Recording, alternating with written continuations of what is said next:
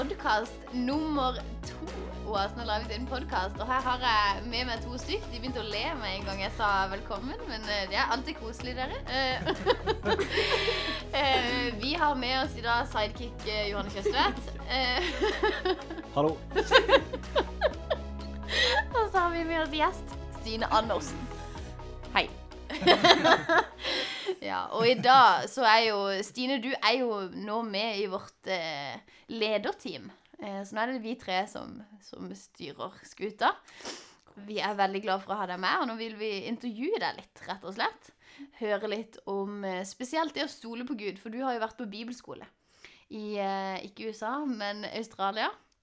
Eh, Så vi har lyst til å høre litt hva har du lært der, hva var erfaringene dine osv.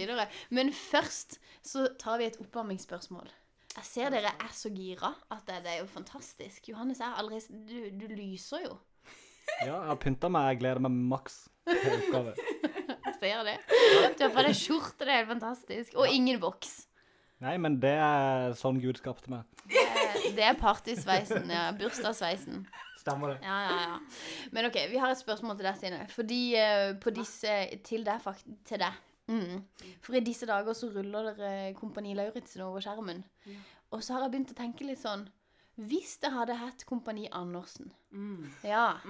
Og du skal ha tak i en fenrik. Altså du er oberst, ikke sant?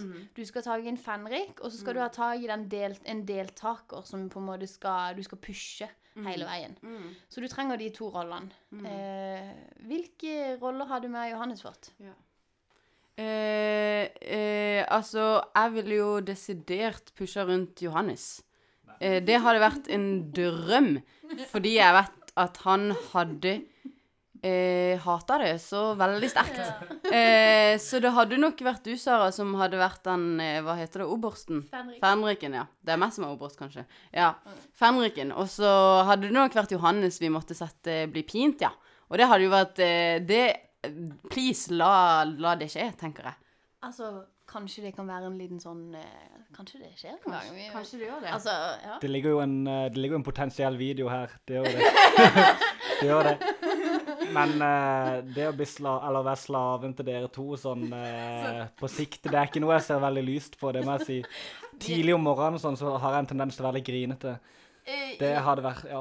det, har vi, det har vi jo sett på Fredheim og sånn. Så jeg tenker at, jeg tenker at vi hadde jo våkna litt tidlig, og så hadde vi, så hadde vi vært, jeg hadde vært veldig nøye på sånne småting, da. Mm. Sånn som ikke du liker, for eksempel. Det er viktig. Formen på dyna som du har reid opp dyna i, liksom. Ja, det er det dummeste jeg ser. ting, altså, eh, det, er de, det er greit at de skal rette opp seng, nei, reie opp senga si, men om den eh, formen på den der, der er 100 eh, rektangel, eller om man heller innover bitte grann, det er det ingen i verden som bryr seg om, i mitt hode. Nei, altså, jeg vil jo ha prisme, så Du vil ha prisme, ja. ja det, det, det husker ikke jeg hva er, det er for lenge siden. det er for lenge siden jeg hadde geometri på, på skolen, så jeg hadde fått en utfordring der. Ja, ikke sant. Nei, men det er bra. Det, det, jeg føler at eh, Kompani Andersen har et potensial, rett og slett. Uten tvil. Så bra. Nei, men vi skal høre litt på Vi vil liksom intervjue deg litt. Eh, både ja, hvordan, hvordan livet med Gud har vært, eh, og et lite sånn vitnesbyrd fra din side, egentlig. Hvorfor du valgte å gå på bibelskole. Litt sånn. Eh, men først så vil jeg spørre deg. Hva var det som Eller hvorfor og når var det du bestemte deg for å følge Jesus? Mm, ja, det er jo et veldig godt spørsmål. Um, jeg tror nok ikke jeg har et, eh, et tidspunkt hvor jeg liksom Da valgte jeg å ta imot Jesus, for jeg har vokst opp i en kristen familie og, og sånn. Eh, men jeg tror eh, for meg så har det bare vært flere ganger hvor jeg på en måte har tatt et standpunkt om og om igjen om at liksom Ja, Jesus, jeg følger deg fortsatt. Jeg vil fortsatt gi livet mitt for deg. Ehm, og det har jo vært en lang prosess også, eh, med tanke på at man har vokst opp i en kristen familie, men man lærer mer og mer eh, jo mer man vokser. Eh, så det var jo når jeg skjønte at eh, det er dette livet som gjelder. Det er Jesus som gjelder. Det er det som eh, gir meg liv etter eh, døden, og det er det som er verdt å leve for, da. Det var nok da jeg bare skjønte at uansett hvor mange ganger jeg må ta det valget om å følge Jesus, så gjør jeg det. Eh, for å dra meg sjøl tilbake igjen. Mm. Så bra. Um, er det, var det noen som på en måte har inspirert deg når du var liten, og som fortsatt kanskje gjør det? Er det noen forbilder som du kan komme på som liksom du har tenkt at åh, sånn som de lever livet sitt med Jesus, sånn har jeg lyst til å ha det? Mm. Det har jo vært veldig mange av de som var eldre da når jeg gikk på Alive, når det heter Soldiers, som jeg så veldig opp til og tenkte at liksom Går det an å leve livet sitt sånn? Eh, så det er jo egentlig alle de som var eldre enn meg da, som jeg så at levde et annerledes liv. Eh, det var de som på en måte hjalp meg til å trakte etter det livet og ville ha det livet med Jesus og leve annerledes. Eh, men det var nok eh, min, eh, mine brødre som hjalp meg til å gå og tjene i en menighet. Eh, når de valgte å gjøre det når de var på min alder. Eh, så var det de som på en måte dro meg inn i det. Eh, og så er det liksom alle de, de litt eldre enn meg da, som har holdt meg der. Mm. Din bror eh, er jo veldig kul. Eh, hver gang jeg treffer han, så sier jeg 'Nei, jeg har ikke truffet deg, er du ny her?' og så sier han det samme. Å, ja, nei, ja. Og så står folk rundt og bare 'Hæ? Det har jeg jo trodd'. det er den beste humoren. Ja. Men han er veldig kul. Og det har jo veldig ofte så er det jo sånn at en ser på de som er litt eldre, Mm. eh, og så tenker en For det vi snakker om før òg i podden, at det har veldig mye å si hvem man er. Kanskje enda mer enn det man sier når det gjelder tro. Mm. Så det er veldig fint. Mm. Eh, og så er jo du med nå og tjener eh, i eh, Alive. Kan du fortelle litt hvorfor har du valgt å gjøre det, og akkurat liksom hva er det du gjør for noe? Mm. Eh, ja, hvorfor har jeg valgt det? Eh, det er jo fordi at eh, Så smiler du. Alt Altså, om jeg kan, har en mulighet til å gi Jesus til ungdommene, så tar jeg den. Eh, og jeg har veldig hjerte for ungdommer, og vi vet jo sjøl hvordan det er å være ungdom og vokse opp i dag. Og det eh, Hvor mye det betydde for meg å ha forbilder å se opp til eh, i ungdomsarbeidet. Eh, så det er, det er fordi at jeg har lyst til å gi ungdommene Jesus. Eh, for jeg vet at det er det som er verdt å leve for. Og eh, for meg hadde det alt å si å ha eldre som var der, eh, som kunne hjelpe meg gjennom det, da. Og det jeg gjør, det er jo å samarbeide med dere to. Er med å styre skuta, og det er jo gøy. Ja, jeg syns du er heldig som får lov til det. Du er så i form i det. Så gøy. Ja, er det. Er det. jeg så for meg når jeg, jeg var så for meg nå i hodet at det var liksom en skute, og så var det sånn Og så sto vi alle og liksom Vi bytta på styret litt, men så var Johannes den der tingen som henger foran. Så du vet, på sånn skute så henger det en sånn figur. Sånn galli, hva er det for gallionsfigur eller sånn? det ja. Ja. ja, men det hørtes riktig ut. Jeg mener det. Ja, det er veldig fint. Eh, Jeg er jo havfrue. Eh, Det, det, har, det, har jeg sagt, eh, det har jeg sagt gjennom hele oppveksten, at jeg er havfrue. Eh, så det er klart at jeg føler meg hjemme der, ja. Mm. Ja, Og håret ditt lukter tang, var det ikke det du sa i stad? Nei, men jeg lukta på det, for det lukter tang her inne, men det lukter, det lukter eh, Jeg vaska det i går. Rett før jeg hoppa i sjøen. Lurt. Ja, ja. Før jeg løp en tur og jogga i sjøen. skjønt. Ja. så bra. Jeg gjorde det. Det er blitt litt vilt i disse tider. Ja. ja, ja det har det. Nei. Men Jo, så det Du er med og tjener med oss. Vi har det veldig gøy med det, det må jeg bare si. Um, I like måte. takk. Og det sier jeg ikke bare fordi vi podder, det, det mener jeg virkelig. Meg også. Uh, ja, så koselig. det er derfor du er så gira, Johannes. Du har Noco. Har det 180 milligram koffein rett inn. det funker alltid. Det slår aldri feil. Ja, det er helt utrolig. Vi begynner med noe. På morgenen på Fredheim og på Hvitstopp så skal vi ha med noe til. Det det vi, jeg tror det er det vi trenger. Det er liksom den siste lille piffen som mangler eh, på morgenen. Ja, ja, ja. Eh, så ja, jeg kjøper inn et brett neste gang vi skal på tur. Ja, ja, vi gjør, vi gjør bare det. Det, vi, det syns jeg det, det er på sin plass. Ja, ja, absolutt. Nei, men eh, veldig gøy å ha det med, i hvert fall. Kjempegøy. Og i fjor, var det ikke i fjor, så reiste du til Australia. Mm. Og da husker jeg, før du reiste, at du var veldig nervøs. Mm. Og så, men så husker jeg tenkte at eh, jeg tror dette kommer til å bli så sykt bra. Eh, kan ikke du forklare litt hvorfor vil du reise til Australia, og hva var liksom, hvordan var tida før du reiste? Mm. Takk for at du snur han, Johannes. Veldig greit. Eh, ja, det, jeg valgte å reise fordi at jeg kjente at jeg trengte å komme meg ut av komfortsona. Eh, Jeg hadde gått et år på bibelskole det, her i Kristiansand, og det var utrolig, utrolig bra. Eh, men jeg var ikke klar for å studere, og jeg kjente at jeg må bli utfordra i troa mi. Jeg må komme ut herfra, fra den bobla her, eh, og sette meg sjøl litt på prøve. Eh, og teste og se hvordan det går. Og det var, det var en stund hvor jeg gleda meg ekstremt mye. Jeg tenkte bare endelig komme vekk herfra. Og så jo mer det nærma seg, så tenkte jeg bare søren au, jeg reiser ikke. Eh, det sjekker, liksom. Eh, men eh, så morgenen eh, hvor jeg skulle reise, da Det var en grusom morgen. Eh, og da, hvis mamma hadde sagt at liksom, du skal ikke bare bli hjemme, Stine, så hadde jeg sagt jo, please, kan jeg få lov til å bli hjemme? Eh, for det var ikke veldig gøy eh, akkurat der og da. Men eh, det er det et av de beste valgene jeg tror jeg har tatt i mitt liv. Det tror jeg absolutt. Det har lært eh, utrolig mye. Det, var det sånn underveis at du tenkte liksom at dette er helt fantastisk? Eller var det sånn at du kom hjem etterpå, og så var du sånn Nå skjønner jeg hvor fantastisk dette var. Eh, Det var nok når jeg kom hjem at jeg skjønte hvor eh, bra det var, ja. For det der og da så Og det er jo det som er med Gud, når han jobber i deg, så er det ikke gøy alltid.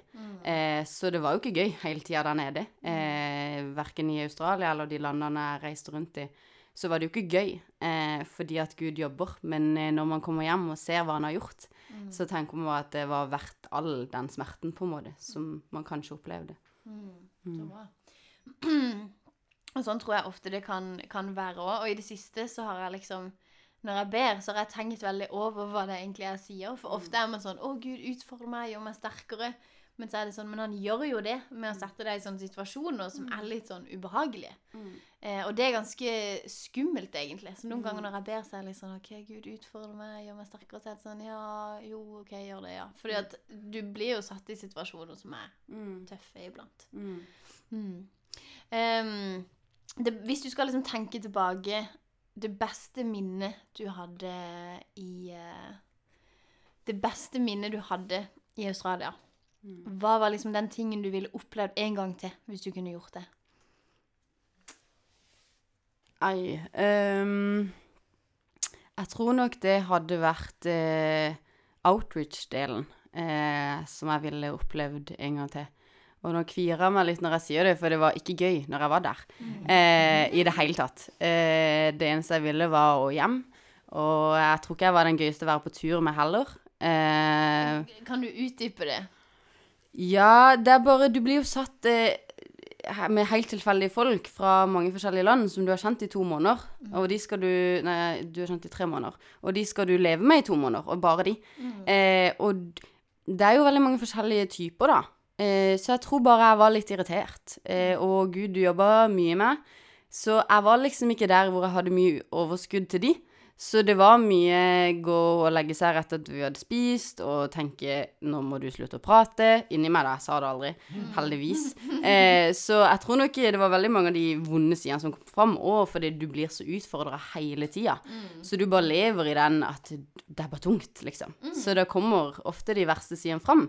Men eh, det er jo også det jeg har vokst mest på. Eh, men hvis jeg kunne gjort det om igjen, så tror jeg jeg hadde vært litt bedre menneske å være på tur med. Så det hadde vært litt gøy.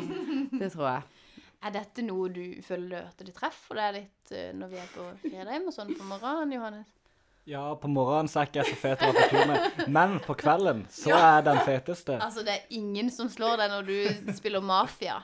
Altså, det er jo fantastisk. Det er sant, det er et stort spill. Ja, ja, Det er det. Jeg jeg er så imponert. Det er jo helt supert. Takk. Vær så god. Men nå skal vi gå inn i en liten ny del, for vi skal introdusere spalter for første gang. Rett og slett. Ja. Vi har fått litt tilbakemelding om at vi må ha med spalter. Ja. Ja. og da har vi altså laget en spalte. Spalta heter Ukas tilståelse. Og går ut på at vi alle skal si noe som vi har gjort denne uka, som vi ikke er så veldig stolte av. Men vi skal si det til hverandre, få det ut, og så bare bli ferdig med det, rett og slett. Stine, har du lyst til å begynne? Eh, ja, det er veldig lyst til å begynne. Eh, ja, nå har det seg sånn da at eh, i disse tider eh, så eh, jobber jeg hjemmefra, da. Og det er jo deilig innimellom det. eh, men merker kanskje at jeg ikke er like produktiv som jeg burde være. Så jeg har jo eh, I løpet av min arbeidstid, da, eh, så har jeg kanskje sett litt for mye på, på Friends. Eh, når jeg egentlig kanskje burde jobba. Jeg har jo følt jeg gjør arbeidsoppgavene mine og sånne ting, men eh, kanskje litt for mye. Så det er noe som jeg kanskje litt dårlig samvittighet for. eh, det har jeg nok. Så det er deilig å komme ut med det her. Hvor mange ganger har du sett eh, gjennom hele serien?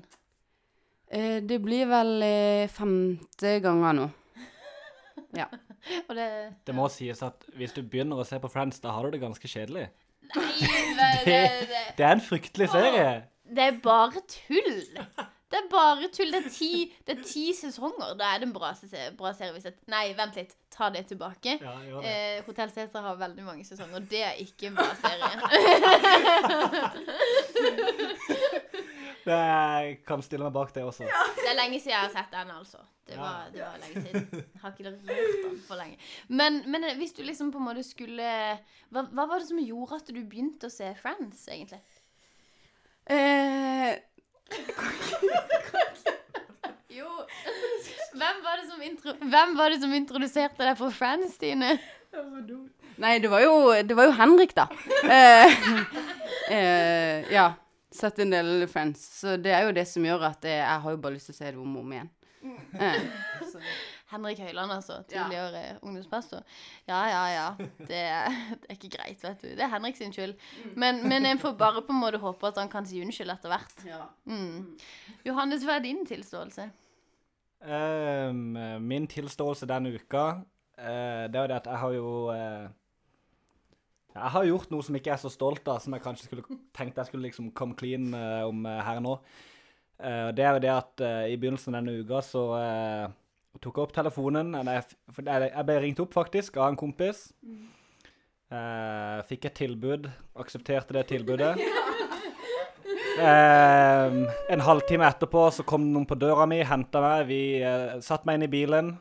Uh, Samla gjengen, fylte opp fylt, eller, fire stykker i en bil. Det verste var at dette er bare én av to biler.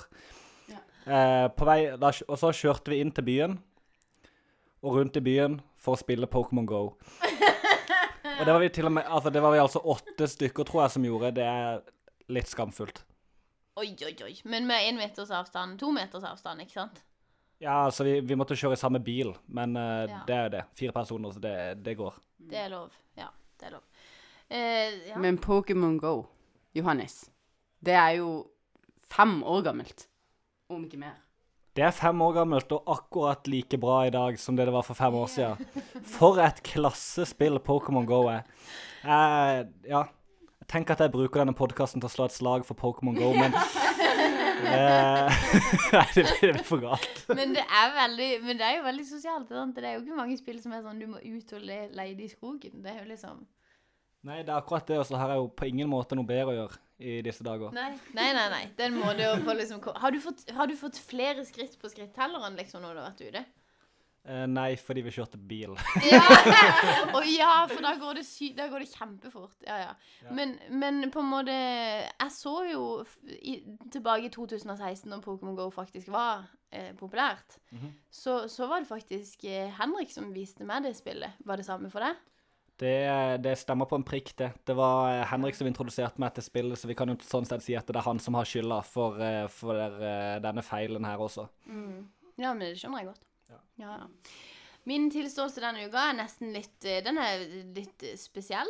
Eh, altså, jeg var inne på Jeg har jo sånn klokke, sånn Fitbit-klokke. Og så så jeg at eh, Fitbit mener at eh, hvilepulsen min er for, er for høy. Så ble jeg litt irritert, ikke sant? Så var jeg sånn Ja, ja vel, jeg har jo løpt tre ganger i uka, Fitbit. Uh, ja vel. Og så var jeg sånn, så ringte jeg pappa, for han løper jo hele tida. Så var jeg sånn Fitbit sier at uh, hvilepulsen min er for høy. Du må sjekke om jeg er i dårlig form. Og han bare ja, OK, vi går- tar en løpetur, ikke sant. Og så var jeg ute og løp, eh, og han var sånn Jeg hadde på meg min sånn pulsmåler som er på håndleddet, men så fikk jeg lov til å låne hanses, da, som var sånn pulsbelte. Og så var det sånn Ja, hva har du i pulsen? Jeg har det i puls. Og så løp vi i skauen. Eh, ganske langt. Og så, var det sånn Så følte jeg liksom ja, ganske grei, grei, grei form. Eh, og så og så må jeg si at eh, Og så til og med så var jeg løp med han i går òg, for, for jeg har liksom Det som er tilståelsen min, da, er at jeg har latt Fitbit eh, styre livet mitt i det siste. Eh, virkelig. Eh, det var litt sånn fra før av, men, men jeg har, det er virkelig sånn at Fitbit har begynt å styre livet mitt. Og derfor så var jeg ute og trente i går, og da løp vi opp sånn, høy, sånn høyt opp. Med vanvittig stigning. Og nå jeg har ikke, jeg har ikke vært Ja, du sier at jeg snikskryter, men jeg Du mener det ikke. snikskryter. Nei, Nei, Ja, det er egentlig veldig skryt. Det er ikke skrik i det nei, hele tatt. Nei, nei, men jeg, nei, men jeg skryter av pappa, da, som Ja. dro meg med på det. ikke sant? Ja, ja. Jeg kan jo ikke la være når du løper med noen, så jeg kan jo ikke la være. og Da kan ikke, nei, jeg må jo liksom fortsette. Selvfølgelig. Men i hvert fall så løper jeg. Og så Jeg har aldri vært så lemster i eh, leggene mine. Altså, det er helt vanvittig. Nei, det er jo ikke, det er jo ikke snikskryt. Det betyr at jeg trener ikke nok fra før av, da. Eh, så Eller, at du trener, trente veldig hardt i går. Ja, jeg trente veldig hardt, men det betyr at jeg, jeg, hadde, jeg, hadde, jeg hadde ikke underlaget. ikke sant? Da hadde jeg ikke blitt så. Nei, det er sant. Nei. Men i hvert fall, tilståelsen er Jeg har hatt uh, Fitbit styre livet mitt. Uh, Bitte litt. Jeg må slutte med det. Det er ikke greit. Korrekt. Jeg kommer meg ikke ned trappa lenger. Jeg er enig, du må faktisk slutte med det. Men uh, ja, åssen endte du opp med den Fitbit-klokka her i utgangspunktet, egentlig? Uh, ja, det var faktisk uh, Henrik som ga meg en god pris på den, da. Ja. Så jeg vil jo på en måte si at det er han som har introdusert meg for Fitbit. Og det blir veldig voldsomt å på en måte gi han skylda, men jeg syns det er på sin plass. Ja, altså Hvem andre har skylda? Nei, det er ingen andre. Nei, det er bra, det. Da har vi ukas tilståelse, rett og slett. Fra, fra alle. Tre ukas eh, tilståelser. Stine, vi har lyst til å høre litt mer om når du var i Australia. Eh, hva er det Ofte så er det liksom noen Sånn som vi har snakka om, hva var ditt beste minne, og du har forklart litt om det.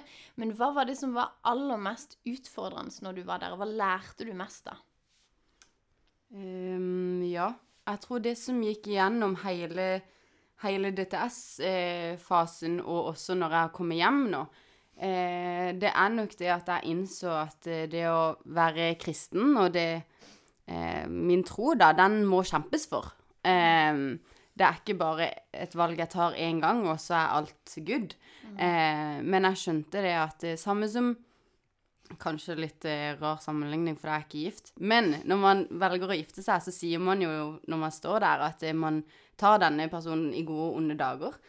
Eh, og det har jeg tenkt mye på, at liksom, når jeg valgte å ta imot Jesus, så var det i gode og onde dager, mine gode og onde dager. At eh, noen dager så er det helt topp, og kjempeenkelt å velge han. Eh, men som ofte så er det ikke det. Eh, så det er noe som jeg jobber mye med i eh, i Australia, i, på outreach, og også når jeg kommer hjem, da, at eh, jeg må faktisk velge Gud når jeg minst har lyst. Jeg må velge hans sine veier når jeg minst har lyst. Jeg må sette hans sine behov, ikke behov, men det han vil, over mine behov. Eh, og det er ikke alltid så veldig gøy, men jeg har innsett det at det, eh, å ta det valget når man er i sine onde dager, det er det viktigste. For når man har de gode dagene, så er det lett å velge Gud. Eh, og det gjorde vi en gang. Vi hadde om eh, lordship, å ha her, eh, Gud som herre i sitt liv, eh, og hva det vil si. Og den ene dagen skulle vi stå foran hele DTS-en og stå foran Gud og legge ned livet sitt og legge ned forskjellige ting. Folk la ned familiene sine, passet sitt og ja, sånn forskjellig. Uh, og den tida der så tenkte jeg "Pff, jeg vil jeg legge ned livet mitt for Gud, liksom. Jeg gidder jeg. Det er jo bare stress. Jeg var veldig i mine onde dager da. Eh, og da sto jeg foran hele klassen og foran Gud, og så sa jeg bare at eh, spesielt i dag legger jeg ned livet mitt, for det er Gud. Fordi at i dag har jeg ikke lyst. I dag føler jeg ikke for det, så i dag gjør jeg det. Eh, og det er noe av det som jeg tror eh, Ja, sorry. Eh, er det viktigste jeg har lært. At det, det, det krever litt. Det er en kamp å være kristen, eh, men du får så mye igjen for det. Eh, og det er det som er så gøy å se òg, når man velger å gjøre det gang på gang. Eh, og få se hva, hvordan Gud velsigner deg da, for de valgene du tar om å ha Han som Herre i alle deler av livet sitt. Mm. Absolutt. Og det tror jeg er så viktig at man tar de valgene også før det blir de vanskelige tidene. For da er det sånn, og sånn som du sa, spesielt når det er de vanskelige tidene, for det er da Det er da du trenger Gud mest. Mm. Selv om du kanskje er mest irritert. For det er lov å være sur på Gud. Ja, Fordi at jeg tror på Noen ganger så tenker man liksom at ja, det, når du ber, så skal det være Mm. alt skal være så, så fantastisk og flott. Men noen ganger så er det tungt, liksom. Og så kan du Mm. være irritert. Gud, jeg skjønner ikke hvorfor du gjør dette. Jeg skjønner ikke hvorfor dette er så vanskelig. Men så er det jo de, de tidene man blir liksom dratt mer og blir liksom Mm. eh, utfordra mer, da. Mm. Så det tror jeg er kjempe, kjempeviktig. Å ta det valget igjen og igjen. Mm. Og det er jo ikke så lett. Og det er jo sånn når vi tjener inn, tjener inn menighet òg, så er det ganske Det er en del der det er ganske tungt. Mm. Det er en Altså, jeg kjenner i hvert fall at jeg er veldig glad for å ha tatt det velg, valget. Mm. Når jeg liksom eh, drikker Pepsi Max klokka kl Klokka fem på en ettermiddag, og så er det sånn Nå har jeg lyst til å se Kompani Lauritzen, men akkurat men så skal jeg i Oasen, og da, da er jeg glad at jeg har tatt det valget. Mm. Syns du det var en dårlig eh, forklaring? Nei, et dårlig eksempel? Nei, det var en klassesammenligning. Jeg, jeg, jeg kjente den liksom, han traff meg da. Jeg føler den. Ja, for der blir det jo når du drikker Noco, da. Ja, for eksempel. Ja. ja, det er fint. Nei, men det er veldig bra. Når, når du var når du, Før du reiste, og når du var i Australia, så var du jo avhengig av å stole litt på Gud. Eller stole mye på Gud, egentlig. For du følte jo liksom at OK Jeg regner med at du følte at liksom OK, Gud, du har lyst til å utfordre meg, jeg har lyst til å gjøre dette for deg og bruke dette halvåret. Mm. Hvordan klarte du liksom å stole på Gud når du følte at Når du kom ned der, og i begynnelsen når du ble vant med alt? altså ja, Var det vanskelig å stole på Gud? Var det lett å stole på Gud? Hva gjorde du for å klare å stole på Gud så mye som mulig? Eh, ja, det var jo selvfølgelig vanskelig. Eh, og det tror jeg vår menneske, menneskelige natur, da. Eh, at eh, det er vanskelig for oss som mennesker å sette vår lit til en annen person, eller til en gud, da. At eh, man vil så veldig gjerne ha kontroll over det sjøl, og liksom hva som skjer, og men det var jo en av de tingene jeg òg sa ja til når jeg sa på en måte ja til Jesus. Så sa jeg jo ja til at han skulle være herre i mitt liv. Og det vil jo si at han kommer til å ta meg ut av komfortsona mi, og at han kommer til å sette meg i posisjoner som er skikkelig ukomfortable og skikkelig ubehagelige. Em, og da er det jo det at du må bare ta det valget om å bare Ja, jeg har valgt å stole på deg, da må jeg stole på deg. Um, og så har han jo aldri bevist noe annet enn at det faktisk funker. Det er jo det som er så fint, at hver gang man bare OK, jeg stoler på deg nå, Gud. Jeg har ikke noe annet valg, liksom. Og så stoler du på han, og så svikter han ikke. Så det er liksom, selv om man har opplevd det òg, så hver gang jeg skal stole på han på en måte på sånne ting, når han bare drar meg ut av komfortsona, så, så glemmer man at eh, alle de andre gangene så har han jo Ja, han har levert. Eh, men så er det bare det at det, vår menneskelige natur kommer så fram da, om at det er det er meg jeg skal stole på, ikke noe annet. Men det er jo det jeg har sagt ja til når jeg har sagt ja til Jesus. Det er jo å gi livet mitt til han og gå hans sine veier. Og det Hans sine veier ser som oftest ikke ut som mine veier. Eh, så da må man bare velge å stole. Og jeg tror jo liksom Gud har skapt oss Jeg tror ikke Gud har skapt oss for at vi skal være i en komfortsone og være i en posisjon der ikke vi må stole på han. For jeg tror det er liksom mye av det vi opplever gjerne i Norge, da. At eh, vi har det så bra, og vi tenker at jeg klarer det sjøl, det er ikke noe problem. Og så er vi ikke Har vi kanskje ikke utfordra oss nok, og så har vi kanskje ikke vært frimodige nok fordi det er så komfortabelt å være der der du føler at 'nei, jeg får det til'. Dette går bra, jeg har trygghet. For vi er veldig avhengige av trygghet. Mennesker er utrolig avhengige av trygghet. Så det å på en måte sette seg i en posisjon sånn som du gjorde når du reiste til Australia, der du må liksom Du er nødt til å stole på Gud. Du har ikke noe annet valg. Så tror jeg det er kjempeviktig. Og så, ja. Og jeg tror òg det eh, Jeg har ofte klagd litt på en måte over at liksom Gud, hvorfor har du ikke gjort noe stort i livet mitt? Hvorfor har du ikke liksom vist det? Eh, og det var når jeg skjønte, eller når jeg gikk ut av komfortsona mi, jeg skjønte at eh, men Stine, det står jo litt på deg også. Lever du det vanlige livet ditt hvor det alt er komfortabelt, så har jo ikke jeg sjans til å vise meg. For jeg trenger din svakhet for at jeg kan vise min styrke. Eh, så når jeg gikk ut av eh, ut av komfortsonen, eller når du går ut av komfortsonen din, det er da Gud har mulighet til å virke gjennom deg. Så hvis man syns det er et kjedelig på en måte kristenliv, og det syns jeg det var Jeg var sånn Hva er dette her, liksom? Eh, men det å bare gå ut og eh, la Gud gjøre det han kan gjøre, og da må du ofte være ukomfortabel for at du skal se hans kraft komme fram. Eh, så jeg tror det er veldig viktig å huske på. Og det er ikke fordi han vil deg vondt, men det er fordi han elsker deg. Mm. Og så tror jeg jo det er fort at man glemmer, sånn som du sa, man glemmer når Gud har, stått, har liksom stilt opp. Og man glemmer kanskje når man har fått bønnesvar. Og da jeg snakka med noen denne uka som sa det at de, de glemte det altfor ofte, så de begynte å skrive ned alt de ba om, liksom. Og så ba de om det flere flere ganger, og så de og så skrev de liksom når de de skrev de det bare ned i en bok, og så gikk de tilbake et halvt år etterpå, og så så de at oi, alt som jeg spurte om, alt som jeg ba om, det har jeg fått. Og på, den, på det tidspunktet, når man liksom skrev det ned, så virka det som at Jeg har gjort dette sjøl òg, og når jeg skrev mine bønner ned på det tidspunktet som var eh, et år siden, så så jeg liksom tenkte jeg, nei, dette er for ville drømmer, liksom. Og så så jeg på de just nå, og tenkte jeg oi, dette har jo Gud oppfylt. Det er jo helt utrolig. Så det, jeg tror liksom det hvis man tenker tilbake på at Gud har gjort det før, han kan gjøre det igjen. Hmm. Hva er det beste tipset du kan gi?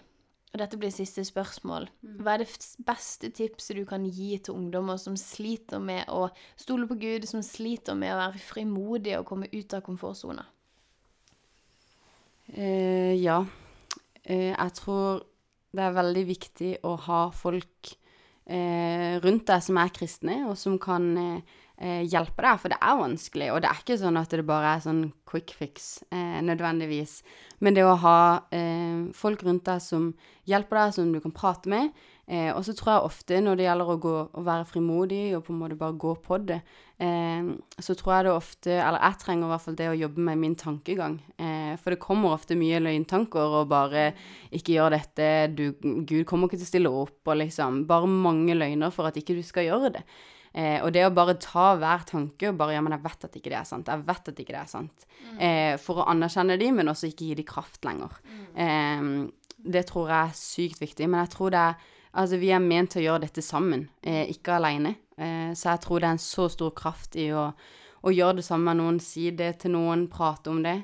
Eh, og så selvfølgelig bruke tid med Gud. Eh, og han vil hjelpe deg eh, hvis man sliter med det. Mm. Og hvis man bruker tid i Bibelen nå, så får man jo faktisk se hvordan Gud ser oss. Og Gud ser oss jo ikke som Det står jo der at han har ikke skapt oss til å være redde og ha masse frykt, men han har skapt oss til å være sterke og til å utfordres og, og til å kunne gå eh, Til å kunne gå med Gud og la Gud eh, guide oss, da. Så jeg tror jo ofte så har man det verste selvbildet av seg sjøl. Det, det, det er det man sjøl som har. Det er det ikke noen andre som har. Og så vet man alltid at Gud har det beste bildet. Yes. Nå er det siste, siste spalte nå. Vi har en spalte helt på slutten. Gleder du deg, Johannes? Ja, nå, er- nå kjenner jeg at eh, Nå flommer det nesten over, altså. Det, det blir stort. Det blir stort. Det strømmer glede nå. Jeg kan se det. Det Ja. strømmer utover. Men OK, Stine først. Eh, nå skal vi få lov til å Ja, bare, jeg skal bare si noe. Nå skal vi nominere ukas helt. Hvem har vært din helt denne uka? Du, det er ingen andre enn shout-out Erna Solberg. Eh, hun er en eh, legende. Folk kan ha mange forskjellige meninger om henne. Jeg kan ikke så mye om henne, men eh, jeg vil si at eh, hun har gjort en formidabel jobb med denne eh, koronakrisen og måten hun har valgt å gjøre det på. Og jeg er bare så takknemlig for at hun åpner opp igjen. Jeg bare tenker eh, takk, Erna. Jeg håper Erna hører på dette her. Stine Andersen heter jeg. Erna. Erna Solberg. Spiller Pokémon Go. Men ja, Erna, Erna er kul. Jeg liker henne. Ja. Jeg har sett henne faktisk. På 17. mai i Oslo. Ja, ja, ja. Rød, rød, rød kjole. Kom ned Det var litt kult, da. Vi var i en sånn sidegate til Hvorfor ler dere av meg? Det er jo kjempekult. Vi var i en sånn sidegate til Karl Johan, og så bare kommer hun ned med masse sånn security guys, ikke sant? Med solbriller og sånn eh, ned fra øret sånn. Ja. Ja, ja, ja, det var kjempekult. Ja. Syns dere at Ja, ja, OK. Nei, det var ikke det at det var, det var, det at det var dumt. Jeg er enig i at det må ha vært kult å sett, men det var en vanvittig avsporing. det, var, det var derfor jeg lo. Ja, det gjør kanskje det. ja. Det, det går i ett oppi hodet mitt her nå etter, etter hjemme, hjemmeundervisning nå så lenge. Det flommer over. Sånn som det gjør for deg når vi treffer hverandre in person. Det er jo fantastisk. Ja, det er sant. Det klikker helt nå. Det klikker helt. Det tar helt av. Men uh, hvem er din uh, helt denne uka, Johannes? Og det Når jeg tenkte på det, uh, så trengte jeg ikke å tenke lenge. Det var lett for meg denne uka.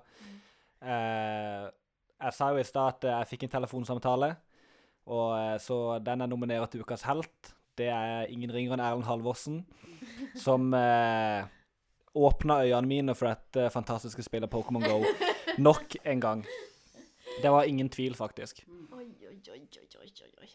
Men ja, OK, det var litt, det var litt tvil. Jeg vurderte å la, jeg vurderte å la eh, nominasjonen gå til Simon Severinsen fordi han har carrier meg til så mange wins på Fortnite, men det ble Erlend som er Han har, carrier det til så mange wins på Fortnite. Ja, de som vet, de vet. Ja. Ja, ok. Ja. Nei, min, eh, min helt denne uka, det er, det er pappa som har klart å håndtere en person som har vært Nei, jeg skal ikke snikskryte, opp Nå skryter jeg av pappa. Eh, som har klart å håndtere meg når jeg sa Jeg tror jeg er i dårlig form. Eh, jo Det er fortsatt snikskryt. Nei, det er ikke snikskryt.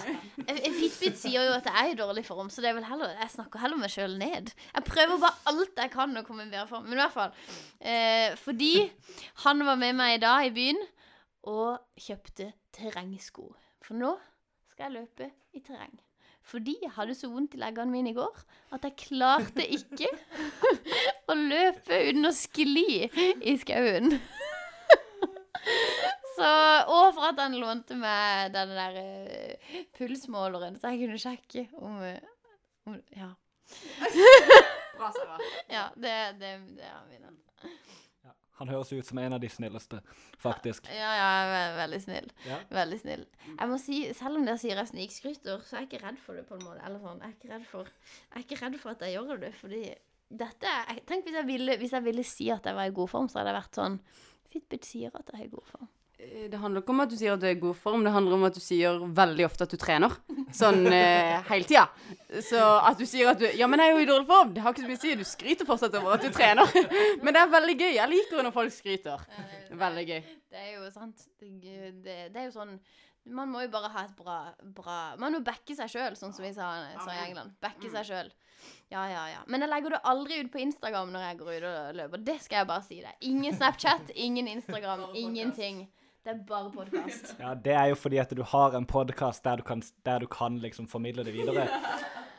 Så til, alle, til de som hører på i dag, hvis de skal ta med seg noe fra den podkasten, så er det alt det bra som Stine sa, og at Sara trener dødelig ofte. Jeg trener ikke ofte Nei, dere skal ta med dere at Nå begynner jeg å rå. Eh, dere skal ta med dere at jeg prøver veldig hardt. Det gjør jeg. Det er, da Det er ikke sikkert jeg får det til, men jeg prøver veldig hardt. Jeg er frimodig. OK, vi, vi gir oss der. Gir oss der. Vi må gi oss der, ja. Men Stine, takk for at du var gjest på denne, denne ganske uformelle podden. Takk. Veldig gøy å ha deg med. Vi eh, gleder oss til neste pod. Og så må lytterne våre ha det bra fram til da. Ha det fint.